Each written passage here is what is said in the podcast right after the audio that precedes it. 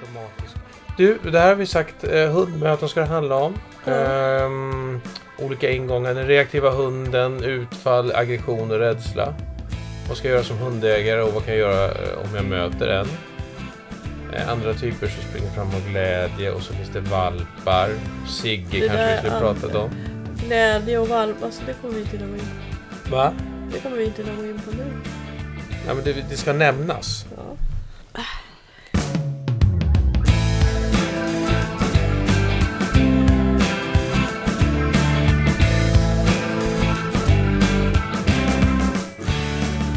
Hej och välkomna till Hundens hus-podden. Mitt namn är Jörgen Danielsson och bredvid mig så har jag... Silla Danielsson. Eh, sist vi hördes, om vi hördes avsnitt fyra, så sa vi på slutet så sa vi eh, nu tar det nog ett tag innan vi hörs. Och då sa Silla nej, det är väl tråkigt. Och så hade vi någon ambition där om att vi skulle spela in avsnitt fem om två, tre veckor. Nu har det gått eh, sex, sju veckor snarare. Och jag behöver inte, kanske inte gå in på anledningar till varför det har tagit tid. Ehm, utan ibland Fast så kan det bli sjuka. så. Ja, det, det, det, det, kan ja, vi... Vi inte kunnat prata. Nej, inte kunnat prata. Det har vi faktiskt varit Ja. ett par, par veckor, två, nästan tre veckor nu. Tre liksom. veckor, nästan Så fyra. att, ehm, och det kanske hörs fortfarande lite grann att det finns Ja. något sånt där. Eh, Men vi är friska nog till att kunna spela in det här. Och vi har längtat. Eller jag har längtat. Ja, Har du längtat? Ja, ja absolut. Så, du... ehm, ja, vi ska säga så här också att eh, även om inte vi har hörts på, genom podden här eh, så har du blivit intervjuad av Lotta Bromé. Ja, just det. Ja. ja. Det var jätteroligt. Ja, eh, tisdagen 22 augusti Mm. hände det. Mm. Och eh, vad pratade ni om då? Vi pratade om ljudinspelade böcker för hundar, alltså romaner för hundar om, om, och om jag trodde att det hade någon effekt Ja, på hundens när den var ensam hemma. ja. Och det kan man ju gå in och lyssna på deras eh, play helt enkelt. Mm. Lotta Bromé, 22 augusti och så. Och det låg faktiskt precis i slutet på det programmet. Ja, som jag minns det. Ja, precis. Det var strax före tre. Alltså tio i tre eller fem Ja. i tre eller något sånt där. Det här avsnittet har vi dedikerat till hundmöten. Ja. Jag får ju väldigt många frågor om det så att... eh, Ja, så det var anledningen. Ja. Jag tycker du länge har pratat om att du vill prata om hundmöten. Ja. Men så har du sagt så här, nej inte riktigt än. Vi är inte redo för det. Och då när du säger vi, då tänker jag på att du egentligen menar mig. Ja. Ja. Men eh, nu, nu är jag redo. Ja. Och jag har tänkt på det lite extra mycket när jag varit ute på eh, Gärdet eh, här i Stockholm. Mm. Eh, Inte runt Liljeholmen då. inte runt Liljeholmen, där har jag henne i, eh, i koppel stramt och med en frolic i hand, så det blir inga hundmöten där. Nej. Eh, eller ja, det blir det ju hela tiden, men det blir mer upptagen, hon är mer upptagen av frolicken än, än själva hunden. Mm. Okej, bra. Eh, Okej, och vi tar det här då med, med reaktiva hundar. Vilk, vilka, vad är en reaktiv hund? Det är en hund som reagerar på sin omgivning. Och eh, Men gör de inte det hela tiden? jo, de reagerar men en reaktiv hund agerar också utifrån sin känsla. Eh, alla alltså hundar lägger ju märke till saker och ting och här händer det grejer och där kommer det någon och där låter det och så. Men en reaktiv hund den, den lägger märke till den och sen så agerar den. Och den agerar utifrån en känsla att den är rädd eller arg. Och, och,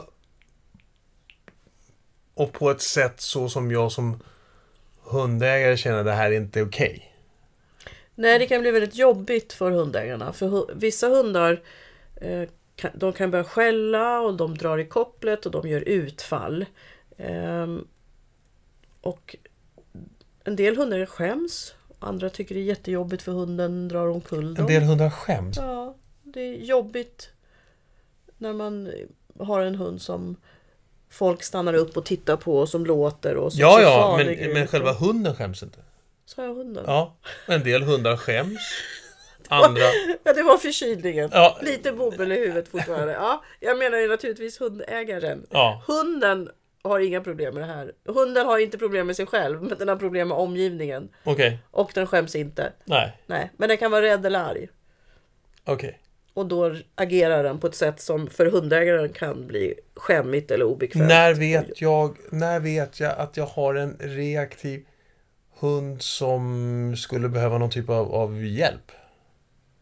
Jag tycker att I samma veva som jag skäms? Nej, känner- faktiskt Nej. tidigare. Därför att eh, många gånger så har ju hundar ett, ett förlopp där de börjar visa saker. Och sen så när, när inte det hjälper, ja, men då ökar man på sin, sina signaler och hur man låter och hur man ser ut för att egentligen skrämma bort den andra hunden. Och om man upplever som hundägare att nej, men nu, nu är min hund lite ur handen och den beter sig på ett sätt som jag inte tycker är okej. Drar till i kopplet eller skäller eller kanske attackerar den andra hunden. Kan man, kan, skulle, förlåt, skulle man kunna säga liksom att, att man själv känner att man har liksom inte... Det finns, eh, man har tappat lite grann av tryggheten och tilliten mellan mig och hunden så att säga. Jag känner inte... Jag känner mig inte, jag känner mig inte trygg helt enkelt med... Exakt, och det är så hunden också känner. Oftast. Men den går aldrig in att den skäms aldrig. Men det gör jag. Mm. Ja. Du, eh, nej men jag hade ju en sån hund en gång eh, i mitt förra liv höll jag på att säga. Hoffman. Hoffman var ju sån att... Eh, det, och det var, det, var, det var väldigt tråkigt. För att det kunde vara promenader man faktiskt kom hem och tyckte att det var tråkigt att gå på promenad. För att då hade man ju träffat liksom sex hundar och, den här, och, och Hoffman hade gjort utfall både här och där. Och, och man hade känt... Ja, så det, det där med... Skämdes du då?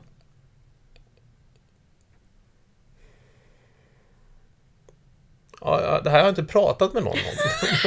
Men det kanske jag, ser gjorde. det. Ja, ja. Ja. Lite grann Ja, kanske. lite- Det var inte roliga grann. promenader i alla fall. Nej. Nej. Nej. Nej. Eh, Och det tror jag inte Hoffman heller tyckte. Om du tänker efter i efterhand. Nej, nej. Nej om, för, om du men, skulle tänka så här, när skulle du ha sökt hjälp? För att få roligare promenader, bättre... Ja, bättre ska man inte säga.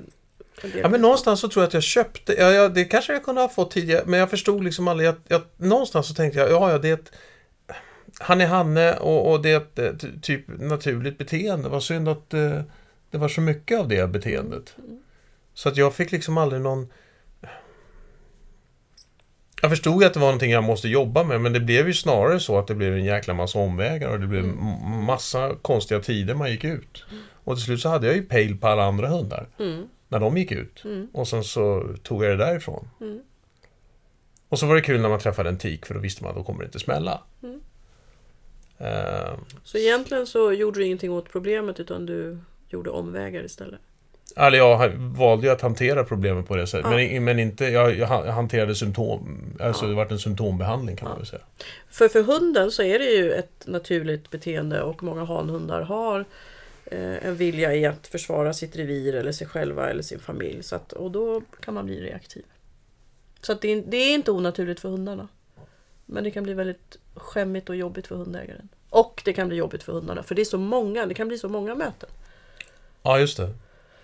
Om man bor i Vasastan och så ska man gå ut runt kvarteret och sen så möter man sex, sju hundar runt kvarteret eller runt parken. Då är det... Ja, och även i ett, ska vi säga, ett, ett, ett, eh, på en mindre gata i stan, säga, eller ett samhälle där alla har hund och någonstans så prickar man ju de där tiderna i alla fall. Liksom.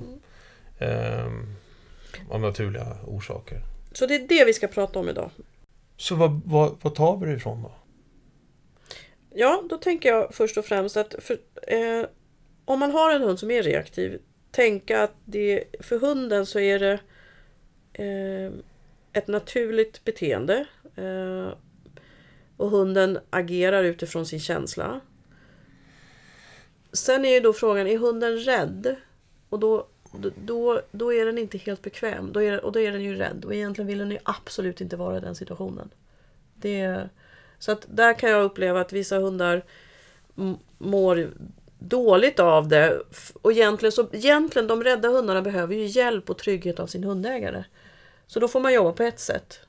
Eh, har du en hund som eh, är reaktiv och gör utfall och har liksom mera vakt i sig. Då behöver den ju inte vara rädd. Men den har lärt sig att det här behöver jag ta ansvar för att matte och husse de sköter inte om patrullerandet runt kvarteret. Och den här, de här hundarna dyker upp varje dag så jag måste bli tydligare och tydligare i att tala om att det här är mitt revir. Det här kvarteret Ja, just, är de, mitt. har, de har inte fattat. Nej, de har inte fattat. Nej. Och då kan jag behöva jobba, eller jag behöver jobba med den hunden på ett annat sätt. Ehm, först och främst så handlar det ju om avstånd till den andra hunden. Att om jag är för nära, vi har pratat om trafikljuset. Är jag på grönt ljus, Ja, men det, vilket avsnitt var det? Det var avsnitt tre. ja, men då kan man, Lyssna där, ja, så pratar vi mer om det. Visst var det avsnitt tre? jag kommer inte ihåg. Ja, jag tror det. det. Det ser ni. Jag tror att vi har skrivit det. Ja, Eh, faktiskt. Att, att, eh, med trafikljuset. Ja, det, vi, så vi, vi grottar inte ner oss det. Det finns en förklaring på trafikljus. på grönt ljus så kommer inte hunden att eh, agera utifrån sin känsla för de- den andra hunden är på så pass långt avstånd. Sen på gult ljus då kommer ju hunden börja muttra lite, kanske spänna upp sig, börja dra i kopplet och, och, och så. För att till slut, om den andra hunden kommer till nära, då gör man ett utfall. Och kan låta väldigt kraftig, se farlig ut, man visar tänderna och man har mycket ragg och så. Och det är ju för att mota bort den andra hunden. Mm. Eh, Så när man börjar träna den här hunden som då är reaktiv, då vill jag komma åt känslan och där jobbar jag ju gärna med godis. Och då använder jag en osttub. För En den... osthyvel tror jag du skulle säga. Nej, en osttuben. Och för den lugnar ju. Mm. Och då... Eh, för en frålik kanske inte räcker för de här hundarna som redan... Som Ja, är... det gör lite ont kan jag tala om. Ja, för jag väljer att för hon- håll, jag ja. håller i, Ja, jag håller ju, precis. alltså det är inte så att jag bara matar i. Utan jag håller i, i eh, froliken. Mm. Minifrolik har jag blivit tvungen att köpa då enligt Ja, eh, eh. Mattes ordination. Men hur som helst, så den är väldigt liten att hålla i. Eh, men den håller jag i då, Mm. hela vägen och så blir det ett snuttande samtidigt. Då. Precis. Och det kan man ju göra med en hund som tycker att det är okej med frålik när den här Ja. andra hunden kommer nära. Men de flesta gör inte det. Utan Nej. då är det tuben eller eh, någonting extra gott. Och tuben gör ju också att man lugnar sig själv. För man byter tillstånd i hunden. Så att den egentligen diar. Det är det som Ja, händer. ja. Så man kommer åt en biologisk funktion. Sen så eh, om man kommer för nära så att man redan är på orange ljus så att hunden har börjat spänna sig och så, då är det att öka avståndet. Man ska öka avståndet, man ska gå i båge. Så att hunden då får, både den rädda och den arga hunden eller hunden som vaktar, tänker ju då, aha, matte tar hand om det här, eller husse tar hand om det här. Man gör en båge, man går inte rakt på den andra hunden. Gå i båge i det här sammanhanget kan vara att man faktiskt går över på andra sidan och tar en annan Ja. trottoar. Ja, precis. Eh, eller om man går på en stig i skogen och man möter en, ja men då går man upp i skogen och så går man i en båge. Och det viktiga här också för att det, hundarna tänker på det, även om inte vi alltid gör det, men det är att hunden alltid är så långt bort från, från den andra hunden som möjligt. Så att jag som hundägare är en buffert. Så det blir Ja. hunden och så blir det jag och så kommer den andra hunden. Eh, det gör ju att det blir ett längre avstånd och jag så att säga är mitt emellan. Det gör min hund tryggare och det gör en hund som vill vakta blir en tydlig signal till att ja, men jag tar vaktrollen nu, du behöver inte. Eh, Och jag, jag vinner ingenting på att jag, att jag själv står och skäller på den andra hunden och visar att jag Nej. har koll. Nej. det nej. tycker din hund är jättebra Ja, och ja, lägger sig nej, jag skulle bara, jag förstod nästan Ja. Men jag tänkte jag Ja. skulle ändå i alla Ja. fall så. Och jag vill bara säga innan jag glömmer det så finns det, eh, även om alla inte vet om det, men det, man, man, om man sätter ett gult band på sitt koppel så betyder det att öka avståndet. Och jag skulle bara önska att det här blev vanligt, alltså att alla, att många fler visste om det. Mm. Så sätt gärna ett gult band på din hund. För, Om den är reaktiv. ja, för då vet andra hundar, hundägare, inte hundar, andra hundägare att okej, det där är en hund som behöver avstånd. För det är det det gula bandet talar Ja. om. Håll avståndet och kom inte fram och hälsa. Så slipper vi det där. Eh, ja, så även de kan gå en båge. Ja, precis. Eller gå över på andra sidan. Eh, men det här låter ju som att det, det finns nivåer där man, har en, där man upplever att man har en reaktiv hund eh, som jag faktiskt kan hantera själv. Jag behöver inte komma på en privat träning på, till en hundpsykolog och så vidare. Det beror ju på orsaken då. Ja. Jaha. Det här är vad du kan göra ute. Och jag tycker Ja. absolut att du ska börja med det här. Märker du att det, ja, men det blir ingen förbättring. Eh, Nej men för, just det, men blir inte det här också bara symptom? Är det inte så att jag får hålla på och gå en båge överallt i hela fast stan det kan, liksom? det kan faktiskt bli- räcka, det kan räcka för vissa hundar. Det, Jo, att jag går bågen, men... Nej men sen medans- gör du ju bågen mindre och mindre Ah, och du, har inte, du right, går right. inte runt med tuben. Och, alltså då har, du ju, då, då, då har du varit tydlig för hunden. Jag tar hand om det här. Du behöver inte oroa dig eller du behöver inte vakta. Nej, Eh. för någonstans så var det ju så med Hoffman för mig att jag, jag, jag la ju ner. Alltså, nej, han går inte ihop med andra hundar. Mm, och sen så blev, så fick ju han leva sitt liv då. Så att med den här då att du har tuben eh, och hunden förändrar sin känsla. För det gjorde, vi, gjorde inte du då. Nej. Eh, då har du förändrat känslan. Du har talat om för hunden att jag har kontroll. Vilket gör att hunden eh, blir lugnare och den får också en god... Till och med vissa hundar kan få en god känsla. Därför att andra hundar betyder osttub. Och titta Matte, där kommer en annan hund. Kan jag få min osttub nu? Ja, just det. Men det är liksom steg två. Eh, Men har du en hund som har en väldigt stark rädsla, kanske har varit påhoppad och varit med om ett traumatiskt eh, händelse. Eh, eller att faktiskt om du själv är rädd så för man ju över det här på hunden så att hunden känner att nej, Matte är inte helt trygg eller Hufs är inte helt trygg. Eh, eller om du har en hund som har fått vakta väldigt länge. Jag tänker faktiskt på Hoffman. Om han nu fick hålla på i flera år och vakta, ja men då skulle vi behöva jobba med andra saker för att komma till rätta med vakten, inte bara gå i båge när vi möter andra hundar. Utan då får man tydligare göra att eh, jag älskar dig och jag, men jag vill inte ha ditt vaktbeteende. Och det behöver man inte bli arg eller elak eller någonting sånt. Man bara sätter upp regler som passar den individen och den hundägaren som gör att det blir tydligt för hunden. Eh, och sen så lär man in en signal som betyder att nu räcker det. Nu tar jag över. För en del människor vill ju också ha vaktandet att buff buff, det kommer någon. Så att eh, Ja. det finns lite variationer där och, och eh, det beror på vad du, alltså, så att säga, vad har du för ras, eh, hur länge har den vaktat, vill du att den ska vakta? Har du en rädd hund, har den blivit påhoppad, traumatiserad eller eh, behöver den bygga upp mer självförtroende i sig själv och mer tillit till dig? Nu när du nämnde det här med traumatiserad, jag vet inte, mm, och det kanske vi kan prata om i något annat avsnitt. Eh, Men är det där som, som eh, du kan jobba med en hund utifrån med en diplomathund? Ja, absolut. Ja. Jag kan ju också göra det i det här tidigast, alltså om någon ringer till mig och säger ja men hej, jag skulle vilja träna min hund. Jag har en, en valp som är av en vaktande ras eh, och han börjar bli, innan han blir liksom 9-10 månader och börjar testa gränser och så, här, så skulle jag vilja träffa några trevliga hundar för att visa att eh, hundar behöver man inte liksom vakta mot. Och hur ska jag, vilka verktyg kan jag ha i, i, i right, senare all skede. right. Så att det går bra. Eh, Som ett förebyggande, jag menar har man köpt en, en, vakt, en hund som vaktar, då kommer den att vakta. Precis som vi har köpt en retriever. Hon, hon bär saker. Mm. Ehm, Så. Ehm, Så diplomathundarna är jättebra och vi är ju några stycken nu runt om i, i Sverige. Sundsvall, Stockholm och Göteborg främst men även kanske någon annanstans. Där vi har utbildat hundar som är specialtränare i att hantera hundar med olika känslostormar när man möter andra hundar.